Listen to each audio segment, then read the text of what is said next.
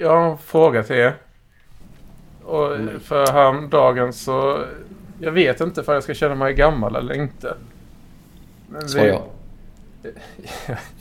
ja, jag börjar, jag börjar gå mot åren. Men jag pratade med en eh, medarbetare på mitt uppdrag och så pratade vi om hur vi jobbar. Jag vet inte, vi råkade börja prata om hur vi jobbar med Git. Och då sa han till mig att han aldrig i sitt yrkessamma liv någonsin har använt eller versionerat med Git i terminalen. Att han alltid har använt Git-klienter. Och då förklarade jag, jag har aldrig använt en Git-klient någonsin. För jag blev så hårt indoktrinerad i början av min karriär att du får inte använda en Git-klient förrän du fullkomligt bemästrar Git-terminalen. Ja. Mm. Är jag gammal eller hur gör ni? Men, alltså vänta, börja bara här grejen. Alltså, Oskar, du är inte särskilt gammal. Alltså, så länge du kan säga ja men jag har alltid använt Git. Vi som kan säga jag minns en tid innan Git fanns. Precis dit jag skulle gå. Jävla ungdomar. Ja, alltså i, i Tortoises SVN när jag började så fanns ett grafiskt verktyg och ingen kunde något annat. Så när jag började med Git på mitt första ställe där, de, där jag fick lära mig Git och de hade ett grafiskt verktyg så började jag där. Eh, vilket gör att jag fortfarande mixar lite terminalkommand. Lite beroende på vad jag ska göra. Vissa saker kan jag bara i terminal, vissa saker kan jag bara i VS Code. Men säg till exempel, jag committar och pushar nästan uteslutande VS Code. Det, där håller jag med. Men jag, jag kan känna att typ att jaga merge-konflikter eller eller om man ska göra typ, alltså, typ om man ska göra avancerade cherry picks mellan olika branscher eller den typen av saker. När det är så här, jag ska leta upp någonting och så ska jag försöka flytta ihop olika, någon så här, då är ett grafiskt verktyg bra. Men annars är terminalen fan enklare. Vad tänker du Anders? Jag är ju lite på Oskars sida. Jag, har, eh, jag provade grafiska verktyg i början. Eh, jag tyckte att man bara pajade mer för sig själv med grafiska verktyg. Eh, det var mycket lättare att bara lära sig hur Git faktiskt fungerade. Och sen har jag hållit mig via terminalen. Det är klart ibland kan jag pusha via VS Code men eh, jag gillar terminalen fortfarande och kör allting där. Allt, all cherrypickande, alla konflikthantering och i konflikthantering kanske jag löser i VS Code men te- eh, kommandona skriver jag fortfarande i terminalen. Command Shift P GP Enter, alltså Git Push. Command Shift P för upp kommandopaletten. GP för Git Push. Boom! yes. Bra, jag är inte så gammal som jag känner mig. Tack ska ni ha. det var så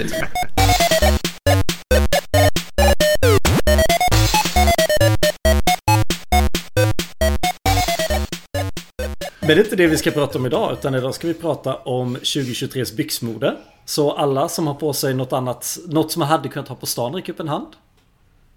Bara Andreas räcker upp en hand. Resten kör någon typ av mjukisbyxor eller lantisbyxor.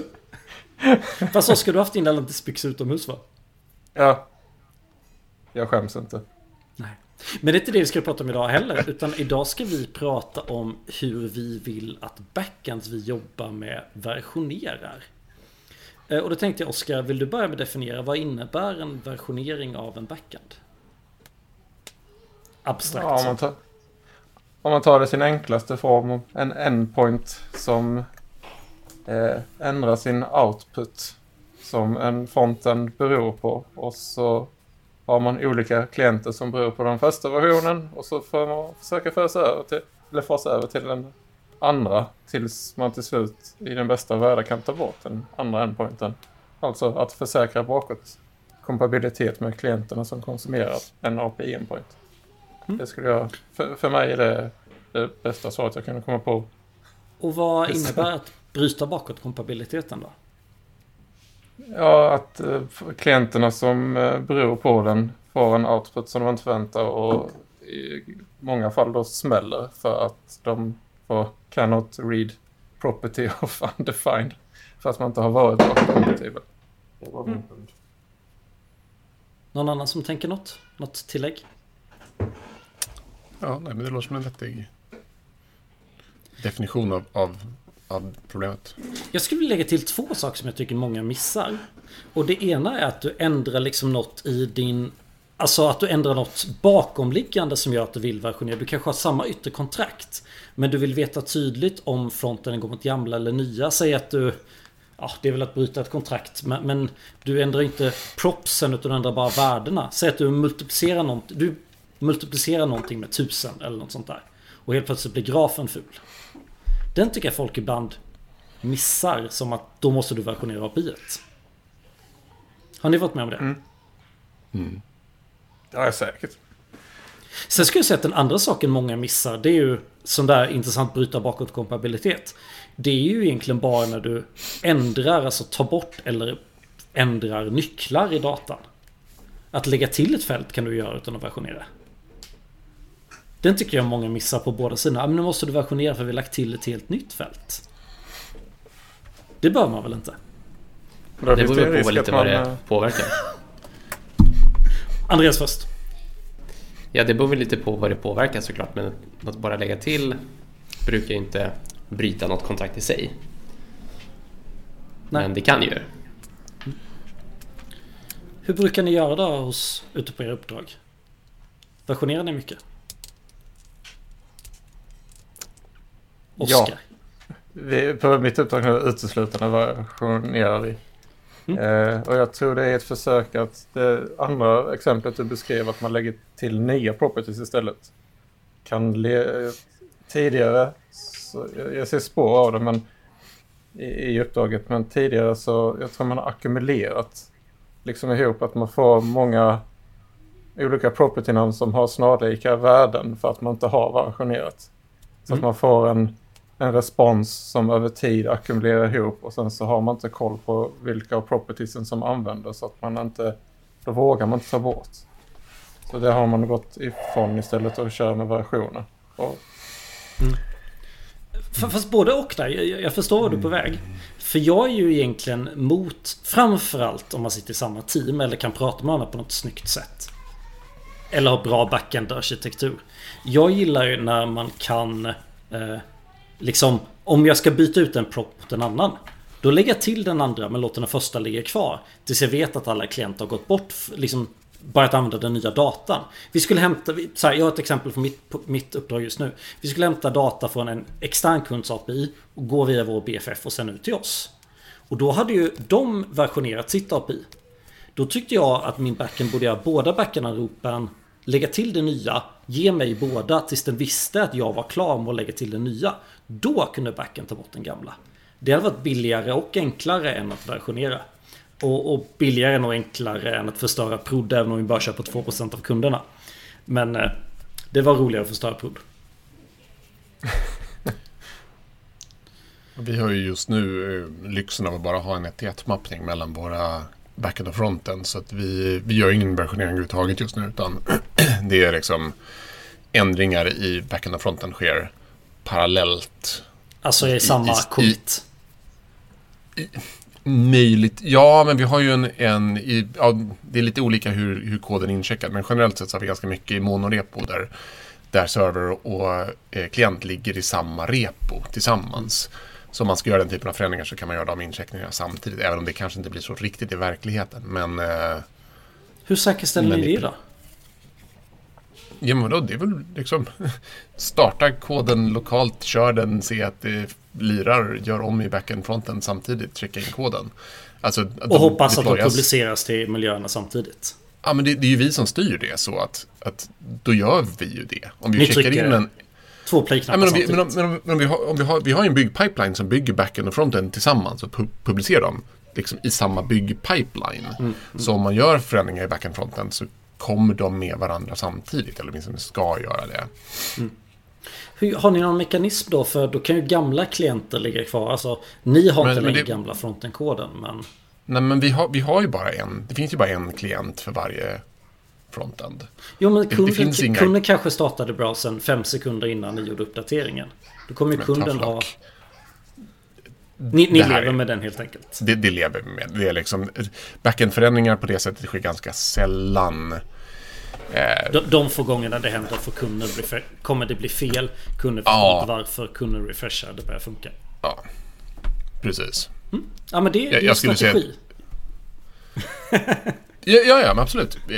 Man kommer ju, det, den, där skulle man ju i princip komma ganska långt på att vid vissa typer av, av fel så kan man refresha sidan eller göra något, något, någon error-hantering. Liksom. Mm. Alternativt det klassiska, ja men vi gör våra releaser via ett fönster och sen så varnar vi folk för det. Mm.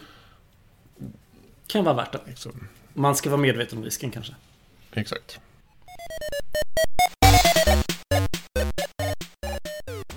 Sen pratade vi lite när vi pratade inför här att det här är ju liksom det klassiska, det här är liksom grunden.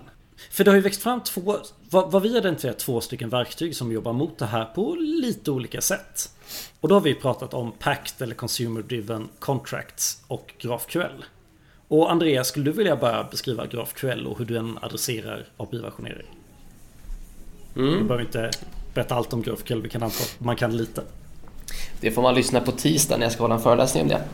Mm. Men, ja, väldigt simplifierat, är GraphQL är ju egentligen ett, ett, en slaktmekanism för att få bort hela flödet med att behöva kalla på multipla endpoints för att få ihop ett, eh, ett eh, resultat från flera datakällor. Det är egentligen hela grund, grundtanken med, med GraphQL, att fronten ska kunna plocka russinen från kakan det den behöver och inte enbart det som exponeras ut och framförallt inte behöva anropa fyra eller fem endpoints för att få ihop ett objekt som man ska kunna använda i en vy till exempel. Så det är väl hela grundtanken och problematiken bakom GraphQL. Vad händer då med liksom versionering? Om kunden spesar vad den vill ha för data, liksom, har det impact på versioneringen? Ja, du menar en, en endpoint till exempel? Ja men versionerar man GraphQL-schemat istället då eller hur funkar det? Ja, det, alltså du kan göra precis samma sätt där. Du kan lägga till nya properties som liksom eh, eller nya objekt som läggs till på, på slutobjektet. Det är en, en lösning. Eh, jag tror inte att det finns något eller jag, det kanske finns, men jag har aldrig använt i GraphQL att man liksom versionerar på det sättet. Utan då, då gör man om datakällan, till exempel lägger till nya fält i, mm. i resultatet och sen så deprekerar man det, man det gamla och gör så. Mm. Eh, så ja. Mm. Jag förstår. Någon annan som vill lägga till något innan vi dyker pakt? Fredrik, go bananas. Monolog. Ja, alltså jag, jag, sitter, jag sitter upp och surat mig över det här. Jag säger att hela premissen av hela frågan som ni ställer i, i en modern värld fel. Eh, Okej, okay, det är kanske lite överdrivet. Men, men, men idén i alla fall, ni pratar om bakåtkompatibilitet som att liksom servern ska vara bakåtkompatibel med klienten. Men en, om man tänker sig att i en modern värld, som, så som jag tycker man borde göra, är att vända på hela frågan och säga att istället för att som ni har gjort nu säga ja, först så, stopp, så ger vi ut data i backenden och sen ska klienten på något sätt uppdatera sig. Så borde det vara klienten som spesar vad är det jag vill ha? Och, och bygger definitionen. Så definitionen, den gamla klassiska sån här Swagger eller OpenAPI-definitionen kommer ifrån vad backenden har att erbjuda. Men det är egentligen helt baklänges. Det borde vara klienten som säger jag behöver ett namn och en adress och en ålder på den här personen som ska upp någonting. Och sen så är det upp till backenden att följa det. Så att, liksom, för det är ju det ett API är till för. Ett API har inget annat syfte än att förse en klient med det som klienten vill ha. Så att sitta på backend-sidan och försöka gissa sig fram till vad klienten behöver och sen uppdatera properties är egentligen ett baklänges sätt att arbeta. Så Fast... Pakt, Pakt är då ett verktyg för att göra... Ja, förlåt. Ja, men så här, hur, hur tänker man då med... Alltså, oavsett om det är front eller back som bestämmer kontraktet. Så, ja. så brukar ju, så här, när jag är fungerande team då sitter vi oftast ner tillsammans och diskuterar fram kontraktet. För oftast så vet backend lite hur bakomliggande datakällan ser ut. Och jag vet vilken data jag ungefär behöver för jag vet ungefär. Mm. Ja. Jag, jag, kom, jag kommer till precis vad, vad det är, hur det, det ska gå till i det arbetsflödet. Alltså, det man gör då är att varje klient som ska konsumera någonting från, från backenden publicerar då ett enskilt kontrakt och säger det här är det jag förväntar mig av dig. Om klienten vill ha någonting nytt, då publicerar man ett nytt kontrakt med nya krav och säger men nu vill jag att det ska finnas en ny property på någonting. Och det som händer då i byggpipelinen är att klienten sparar de versioner som kräver nya kontrakt, men som ännu inte går att releasa därför att backenden inte stödjer den. Så man ligger i sin pipeline och väntar på att version 4 ska kunna släppas när, när backenden stödjer det. Och backenden får då en kollektion av alla de krav som klienterna behöver. Så de, de behöver properties och de här sakerna. Så när backenden uppfyller alla klienters krav, då triggar man automatiskt pipelinesen och klienterna uppdateras automatiskt till den version där de själva, liksom det de själva har stöd för när, när backenden följer den. Så backenden går alltid framåt i efterhand efter det vad klienterna har krävt och triggar då releasen av de nya klienterna. Eh, det finns, om man läser på Pacts eh, hemsida så kan man liksom se hur det här går till. De pratar om så här matriser för stöd för mm, Ja, jag har en fråga där i Pact. För man har börjat diskutera Pact på eh, mitt eh, uppdrag. Eh, vi hade en liten demo som jag missade för jag var tvungen att göra något annat. Så jag ska kolla på inspelningen. Men, eh, så jag kanske hade kunnat det här vid detta laget. Men hur vet man i, från klientsidan? Får man någon teknisk indikator på att eh, backen har uppfyllt det nya kontraktet? Eller det sker via muntlig kommunikation? Nej, alltså Pact har en, en server som heter Pact Broker som är jag vet inte vad man ska kalla för, lite som en någon sorts versionshanteringsserver där man, där, där man kan publicera, klienterna kan publicera de kontrakt som de vill uppfylla. Och, eller alltså, någon, någon byggpipeline kan publicera dem. Eh, och samma sak, en byggpipeline kan publicera att servern nu uppfyller en viss version. Och sen så får man helt enkelt göra mm, verktyg där man låter de olika byggpipelinesen lyssna på events ifrån den här servern. När någonting händer så kan man ha en hook som triggar att men nu ska vi releasa en ny klient och så vidare. Men då, då tänker jag vara gammal gubbe. För är det inte så här att, ja, men så här, jag, jag förstår värdet. Men det känns väldigt overengineerat för ett problem som jag och mitt team nästan alltid löser med samarbete. För jag kan ju tycka det är för sent att backen, backen får reda på att nu är det här ett kontrakt. Det, det jag var inne på lite tidigare. Jag bryr mig om, om, inte riktigt om vilken sida som gör någonting först. Men vi måste haft en diskussion absolut först. För backen förstår ju sällan frontens alla behov av data. Och, och frontend förstår inte vilka attribut som ska skrivas i kontrakt. Om man har samma attributnamn på fronten och backend. Så jag skulle alltså, aldrig lita på ett frontend-kontrakt. Du, du har helt rätt i det här. Alltså, om vi sitter tillsammans och jobbar i ett team och pratar med varandra varje dag och jag kan sätta mig med backendaren och bara, ah, men nu vill vi ha det här och så meckar vi lite fram och tillbaka. Då är det här overkill.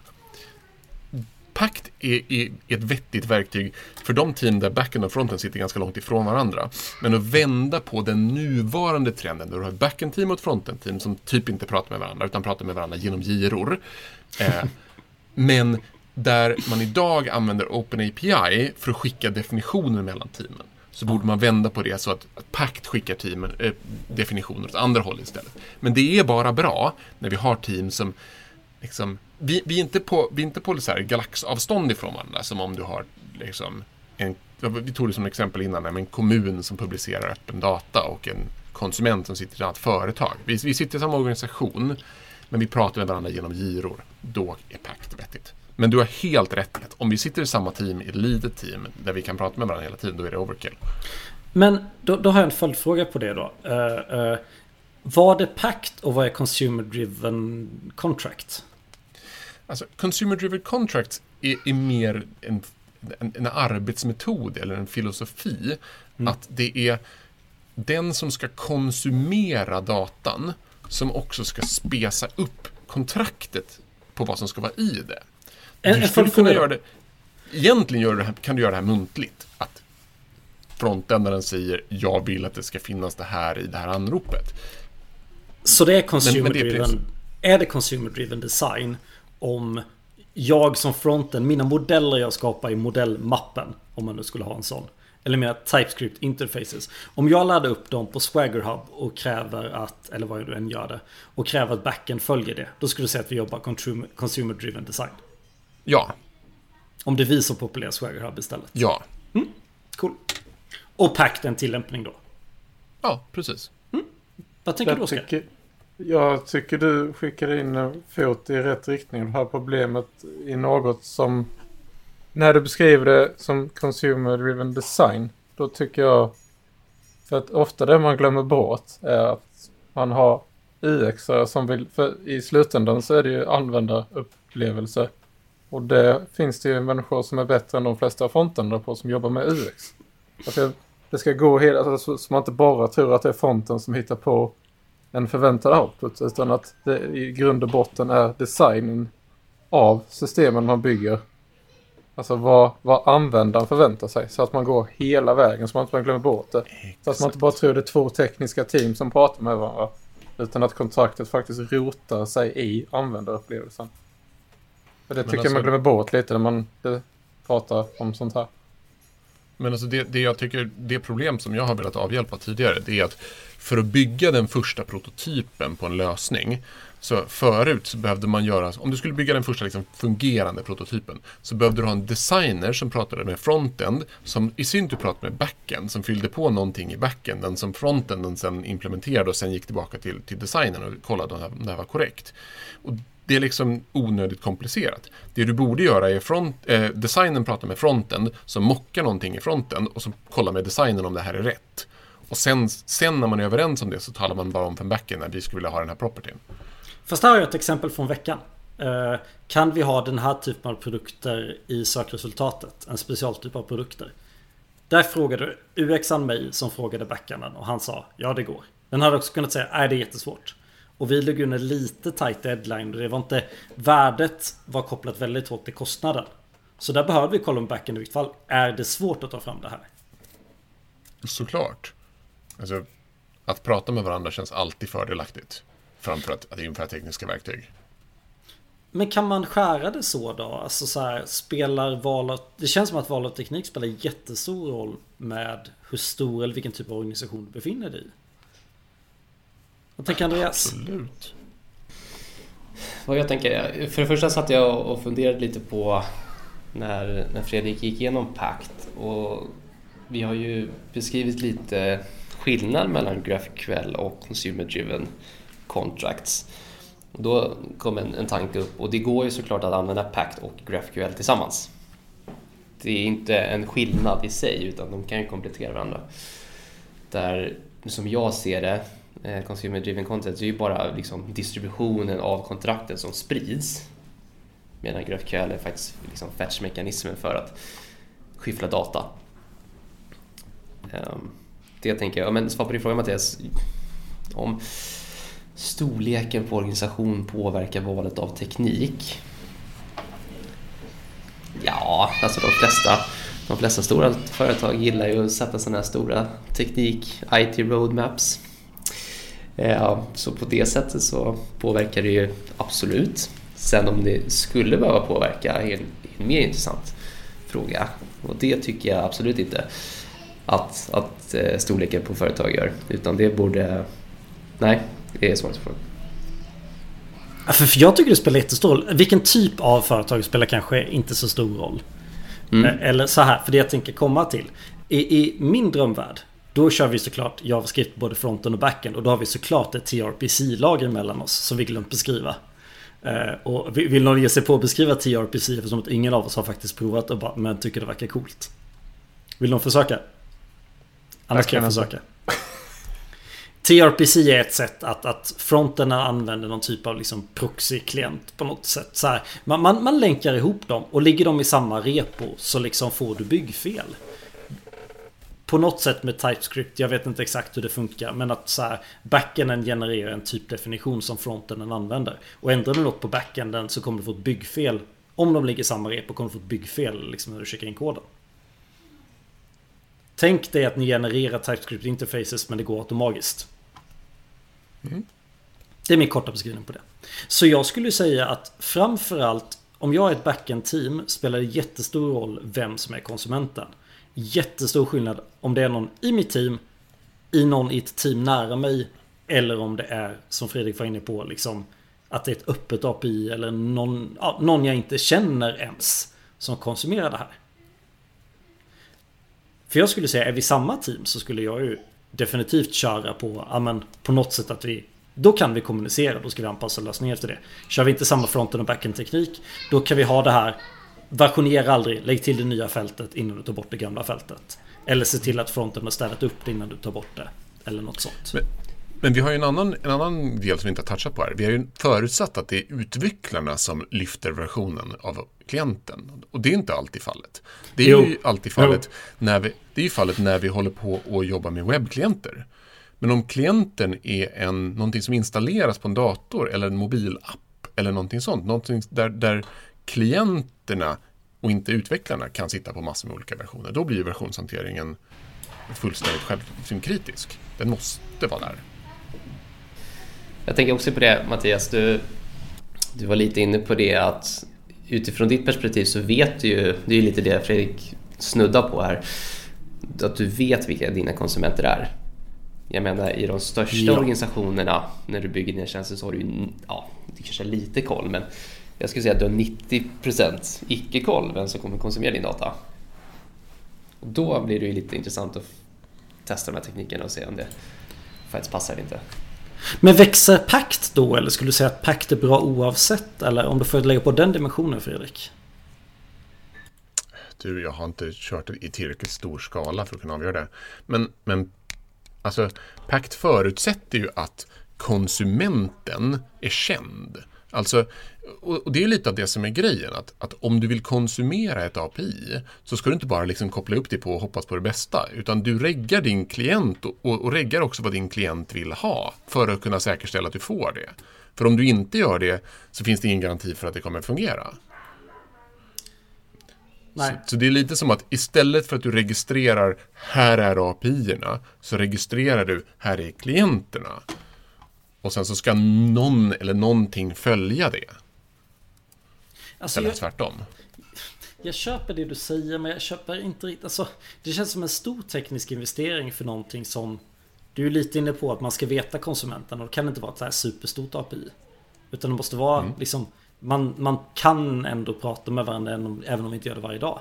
Det känns som en stor ja. teknisk investering. Eller är alltså, det inte jag, jag, eh, Det beror hur du gör. Jag kan tycka att Pact Pact är, är jättecoolt och verkar ballt och kunna göra massa saker. Men efter att ha hållit på och meckat med det här, det finns enklare sätt att göra Consumer Driven Contract. Alltså i princip så kan du se TRPC eller lik, alltså, att lägga TypeScript interface i en katalog som Consumer Driven Contract. Utan det är mer själva arbetssättet av att säga klienten spesar någonting och så jobbar man med mockar på det först. Och sen när de har sagt att nu vet vi vad vi vill ha, så kan backend liksom fixa det sen efteråt. Så man inte håller på och chansar så mycket. Behöver, man behöver inte göra det så komplicerat. Utan det är mer själva tankesättet. Hitta på och mocka vad du behöver först, utgå från designersernas skiss och sånt. Och sen, sen fyll på det med, med backend-data. Ja, jag förstår. Jag vet inte om jag har missat något här men med Pact. Man säger att man utvecklar en mobilapp Precis som Andreas sa, som där man... Det är svårt att komma runt behovet av att kunna versionera eftersom man har väldigt svårt att försäkra att alla köper den sista uppdateringen av sin mobilapplikation. Kan man inte jobba med kombinationen av Pact och versionera också då? Alltså för... Jo, alltså pa Pact går ju faktiskt att använda för det. Om du har, alltså i den här, du har en matris, alltså det som händer, du får typ en matris med massor med definitioner. Så du har kanske de senaste 14 versionerna av, av appens, vad de kräver av API. -et. Då kan du eh, det du kan göra då är att du kan skriva, alltså du kan köra tester mot den och se att ja, men vår nya version, den, upp, den testar och, och fungerar mot alla de här versionerna. Eh, Sen vet jag inte hur det funkar med om man ska typ byta endpoint och, och grejer om det är så att någonting bryter bakåtkompatibiliteten och så vidare. Men, men det går att använda det som ett verktyg för att testa de sakerna. Men återigen, pakt kan vara lite overkill och lite bökigt i många fall. För i, om man introducerar det, om man jobbar med en mobilapplikation till exempel, så sker det ett tydligt maktskifte i vilka som bestämmer. Alltså då ansvarar ju klienterna i, denna, i detta fallet i form av mobilapplikationer, de bestämmer ju själva utfallet som ska exponeras mot dem. För jag antar att de tar bara bort, när de vill ha bort version 1 och det finns tre versioner, då är det de själva som ansvarar för när den endpointen ska tas bort. Ja. Istället för, alltså de säger till, vi är färdiga med den här endpointen. I form av ett tekniskt kontrakt. Och det känns ganska, det maktskiftet känns ganska bra i deras fall. Men är inte det bara liksom återigen tekniskt något man kan kommunicera? Vilken, eller, eller mäta? Är det någon som använder version 1 av mitt API om jag bara kör gammaldags versionering? Jo, men jag, jag nu jag kanske skulle sagt, sagt som ett exempel, men jag tänker en väldigt stor organisation som jobbar med en väldigt väl använd mobilapplikation. Liksom Ja. hundratusentals användare. Eh, Man, I vanliga fall så, som Fredrik sa innan, kommunicerar genom Jira-tickets. Då känns ju detta som ett verktyg som är, är en ganska bra grund att luta sig på. För att kunna försäkra använd, att användarupplevelsen blir korrekt. Men då tänker jag att ta radioövergången från det då. Är det inte precis därför som Facebook skapade GraphQL? För att adressera problemet med många klienter, olika devicer, olika appar i olika versioner. Jo, framförallt när det finns väldigt många konsumenter med väldigt olika behov framförallt. Ja, En fråga så inte det jag, svar på din fråga? jag är novis när det kommer till GraphQL. Jag har bara liksom konsumerat det någon gång och kanske inte riktigt haft en aning om vad jag har gjort egentligen. Men ur, de, ur perspektivet de som sätter upp GraphQL kopplingen finns det inte risk att man ackumulerar en väldigt stor datamängd över tid. Alltså om man lägger till nya properties och slipper hela den här versioneringsgrejen. Alltså, finns det inte risk att det kommer att påverka Ja. klienterna för de ställer ändå en query och får bara ut, får snabba svar och får bara ut det de vill ha. Men i bakgrunden så finns det en risk att det finns väldigt mycket disponibelt i GraphQL-instansen. Ja, men både och ska jag säga. Det är, alltså, det är klart att det är frihet under ansvar, som allt annat. Men Mm. du, du lägger ju inte på allting i en point i, gra- i GraphQL. Du har ju liksom... Du kan se det som i... Säg att du tar... Om du har ett, ett, ett land, en kontinent och en stat som liksom domänobjekt som du vill komma åt. Mm. I GraphQLs värld så är ju de tre olika domänerna i olika endpoints. Mm. Så det blir ju inte ackumulerad data liksom att du får allting men absolut du kan ju bygga ut en modell hur mycket som helst. Då är det ju en risk. Du, jag menar, du kan ju tabba dig jättelätt i GraphQL om du inte har koll på hur det funkar. För det är ju lätt att bara lägga till saker, det vet vi. När det är lätt att lägga till då kommer det också till slut slå på prestanda, absolut. Jag tänker, finns det inte risk också att det blir en implicit versionering i GraphQL? Alltså säg att man har problem med att man har entiteten country som du sa. Och så har man väldigt många klienter som beror på country. Men så måste man ta fram en ny, ny country entitet och så blir det en country 2 då. Alltså om man inte håller tungan rätt i mun. Så att det blir liksom Ja. implicit. Jag kollade faktiskt upp lite nu när vi snackade om versionering hur, hur, de, hur de förespråkar det där i GraphQL. Ehm, och man kan se det som att, att varje, säg att du vill ha eh, att du har ett countryobjekt eller ett landobjekt om vi ska snacka svenska och så har du ett namn på landobjektet. Då i GraphQL så kan du se att varje property också är en funktionsyta som kan ta parametrar. Så till exempel om du skulle vilja skicka in, om du vill hämta ut country för version 1, då kan du spesa så här, ah, ja, jag skulle vilja ha version 1 av country.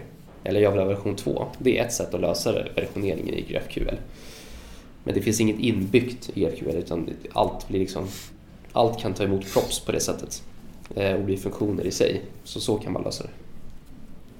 Och man får bara ett 400 fel om man ber om country 1 om den längre inte finns då. Och så får klienten ansvara för.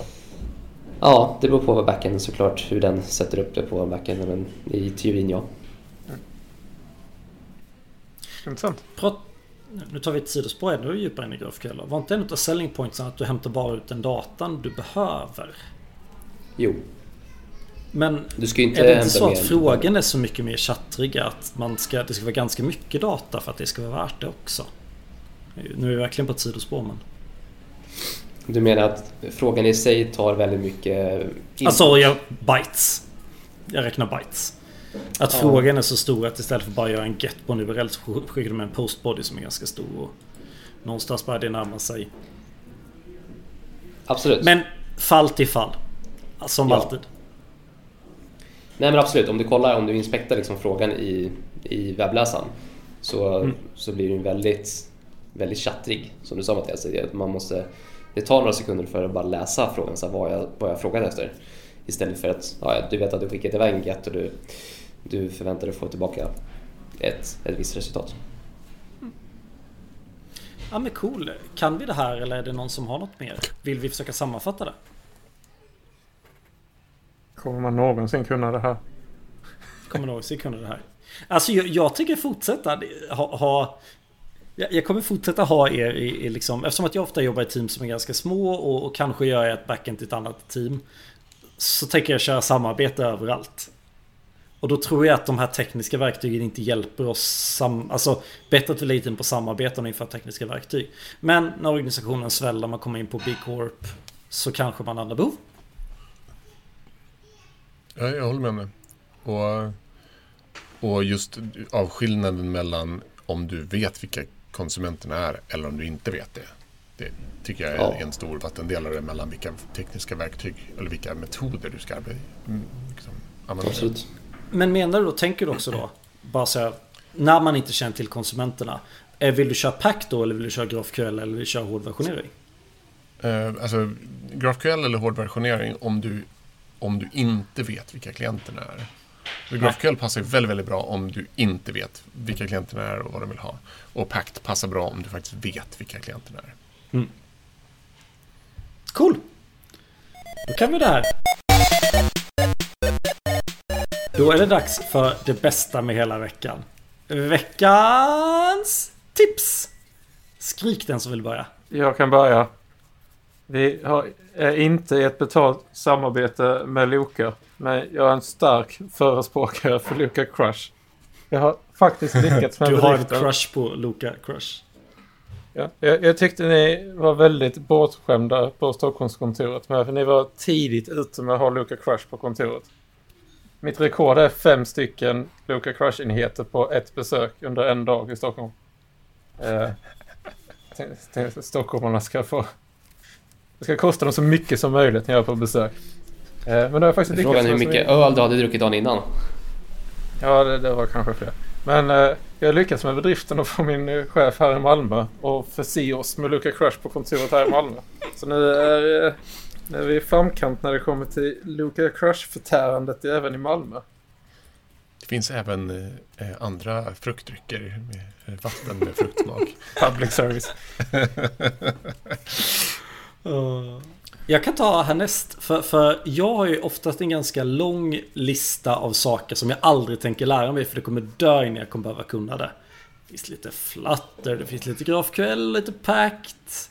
Liksom, i, idag var ni ju på listan av saker, teknik jag aldrig tror jag kommer behöva lära mig. En sak som jag länge struntat i är alternativ till NPM. Men jag har provkört pytte pyttelite PNPM. Och än så länge, eftersom vi har ett par repon med samma dependencies, så verkar det vara...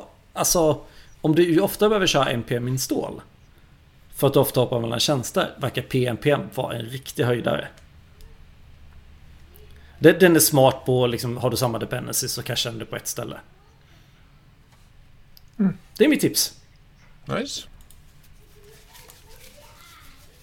Jag tror inte ens jag hade hört talas om det faktiskt. Nu känner jag mig gammal. Nu känner du Ja, men PNPM är väl lite mindre än en... NPM känns som standard och Yarn känns som det vanliga nummer två. Ehm, Fast Fredrik, sad to say, Yarn är dött. Yarn är inte alls dött. Det händer asmycket roliga saker med nya Yarn. Bra, då är det ditt tips då. Kör på. Ja, men det, det får vara mitt tips. JARN har någonting som heter Interactive Upgrade, tror jag den heter. Som, som jag skulle kunna ha som, eh, som tips. Det är alltså ett eh, konsolverktyg. Det finns i nya JARN om man kör version 3 av Jarn. Eh, Eh, där man, bara, man kör ett interactive upgrade så får man en lista på så här är alla dina dependencies. Så kan man välja liksom senaste versionen, uppgradera major eller minor versioner på dem på ett litet grafiskt sätt i, i terminal, direkt i terminalen. Jättepraktiskt. Yarn ska faktiskt ha att de har en väldigt gullig logga. Ja. Ja, Andreas. Ja. Ja. med tips om saker du själv vill lära dig.